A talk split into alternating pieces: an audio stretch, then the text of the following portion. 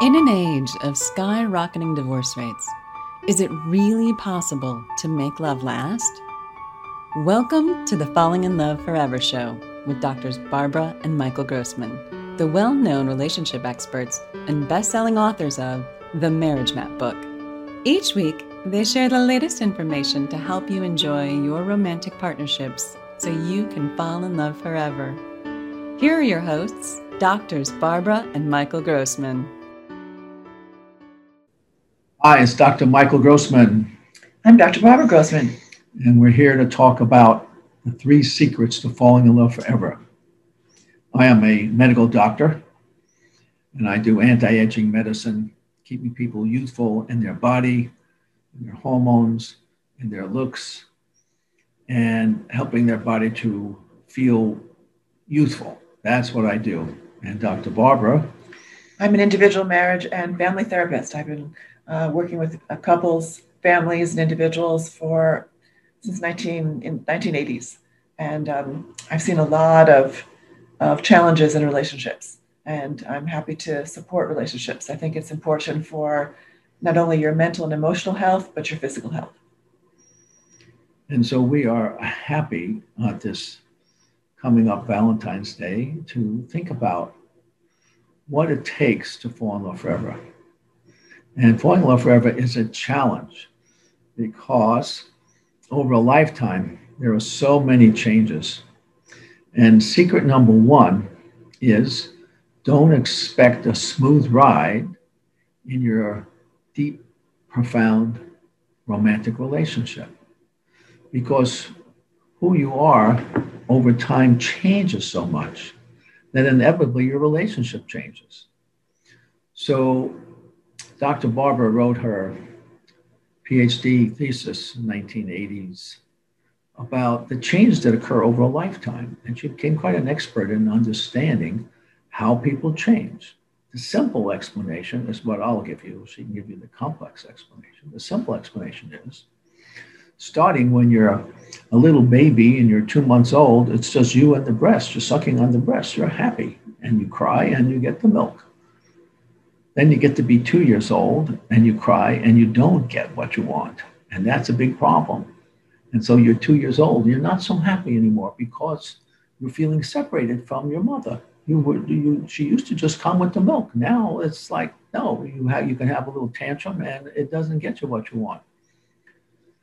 Then you get to be six, seven, eight years old and you love being with your family. You're just part of the family. You're so happy being one of the family members, and you feel so close to the things you love. And then you get to be 13 years old, and all of a sudden, now you're not so happy being part of the family. You want things your way, and you're not getting your way. You're feeling separate from the things you love. And then you get to be 25, and you're getting married, and then you get to be 30, and you're having your own children, and you're so happy being part of this family that you've created, and you're feeling so close to the things you love.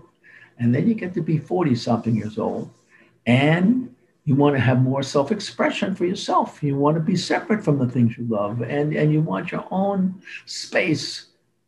And then you get to be 50 something years old, 60, and you're feeling wonderful as a grandparent and being around the grandchildren and you're feeling so close to the things you love. You see the pattern? There's a back and forth pattern that occurs. It's inevitable. And these transitions are not easy for you or for your partner.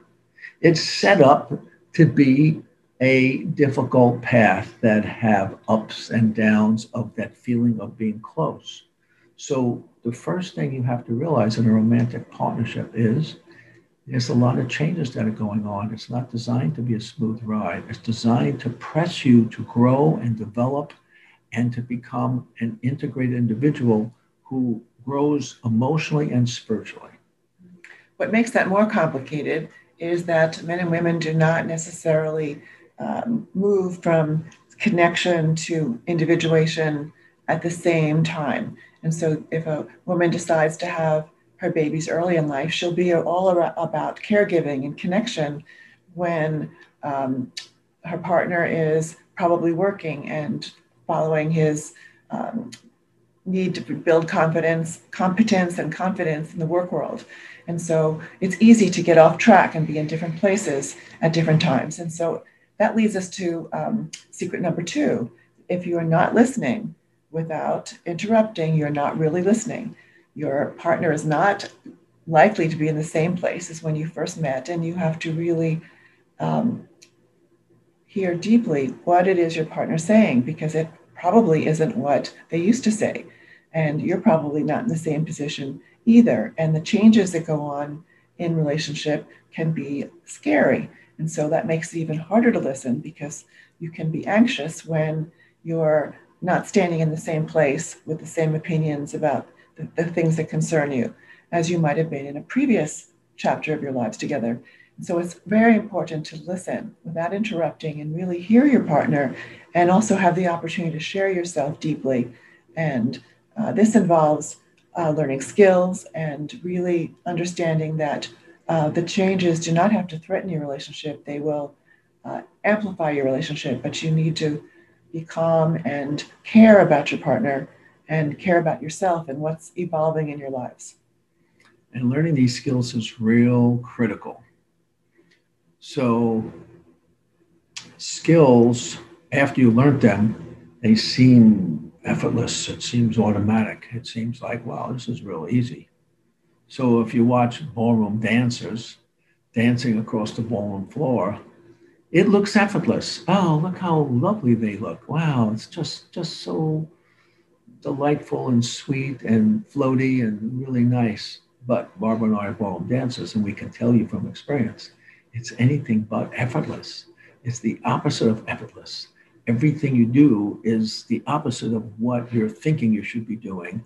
And you have to relearn how to hold each other, how to integrate with each other, how to dance with the music and take these different steps and hold your body in certain positions. And it's anything but effortless, but it looks effortless. And when you see two people who seem to be totally in love and they've been in partnership for many years, and it looks just effortless, it's not. It takes a lot of effort you have to go through a lot of process of skills and training. And Barb and I teach that. We have classes where we teach you skills to learn how to make your relationships work. We have classes that are both uh, involve uh, you and your partner learning the skills of sharing and communicating with each other. We have four two hour classes, and you can go to falling in love, falling in love secrets.com and, and learn about the classes.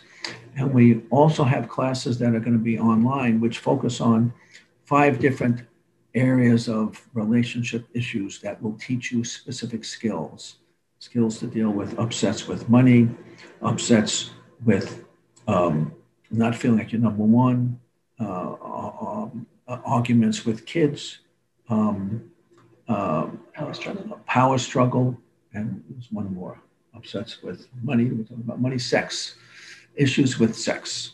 And, and, and uh, so those are things that we talk about and we give you specific skills to deal with that.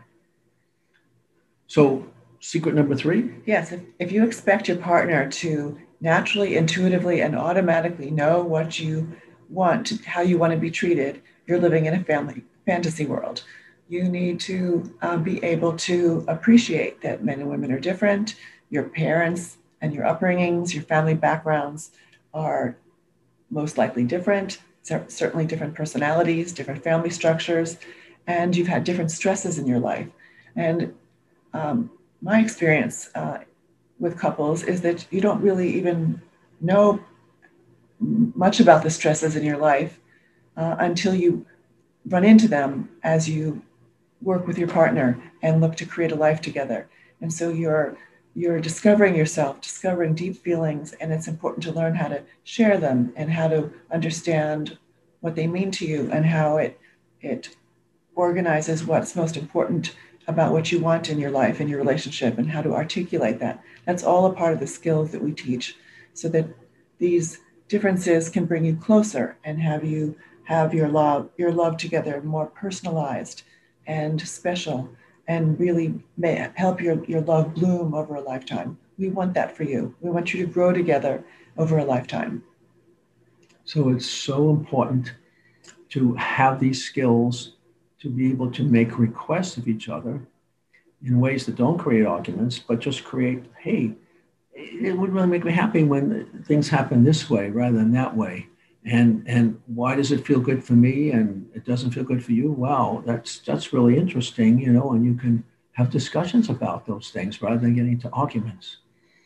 So these are the three skills or these are three secrets that we want you to learn. One of them is the the big area of relationship understanding that's not a smooth ride. Then the next one is is is uh, the skill that you have to learn how to listen to each other without interrupting so that they really understand each other because you're so different. And the other one is to not be surprised when your partner wants things different than you do and desires things different than you. It's expected that's going to happen. And to understand why you fell in love with your partner is so important because whatever attracted you to your partner uh, uh, later is going to make you real upset with them. You married them because they you were attracted, but then the thing that attracted you kind of irritates you after a while. And you were attracted to this person. So why are you complaining about it? You're complaining about it because it's natural.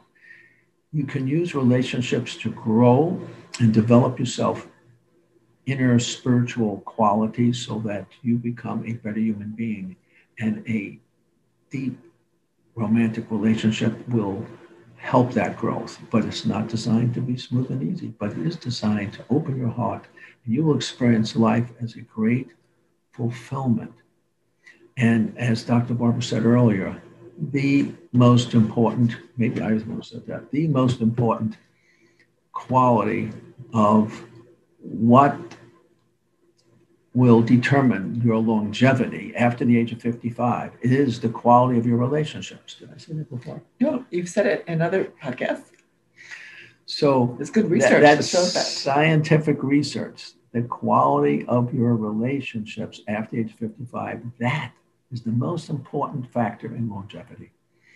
So we encourage you to take our classes and courses. You'll enjoy them greatly. You get a lot of value. You learn skills people will then come and look at you years later and say, Wow, you're so lucky you're so in love. And you'll say to them, It has nothing to do with luck. It's a lot of work. I don't just scare folks. It, it is an effort. You do need to learn skills, but in any good sport, um, there are skills. It is a discipline. And it is fabulous to play a great game of football or basketball uh, and um, uh, but it takes rules and and repetition to learn what it what works and how to win. We want you to win together. We want you to learn skills, and we want you to grow your relationship so that you fall in love forever. So it's a pleasure being with you tonight. Uh, we look forward to you watching more of these um, uh, sessions and, and, and go to our website and, and you can go directly to fallinginlovesecrets.com. It's a pleasure. Thank you all. Wishing you love. Thank you for watching the Falling in Love Forever show with doctors Barbara and Michael Grossman. Join us next week for another informative discussion to help you keep your love alive. Be sure to visit us at themarriagemap.com or find out about our relationship classes at fallinginloveforever.com.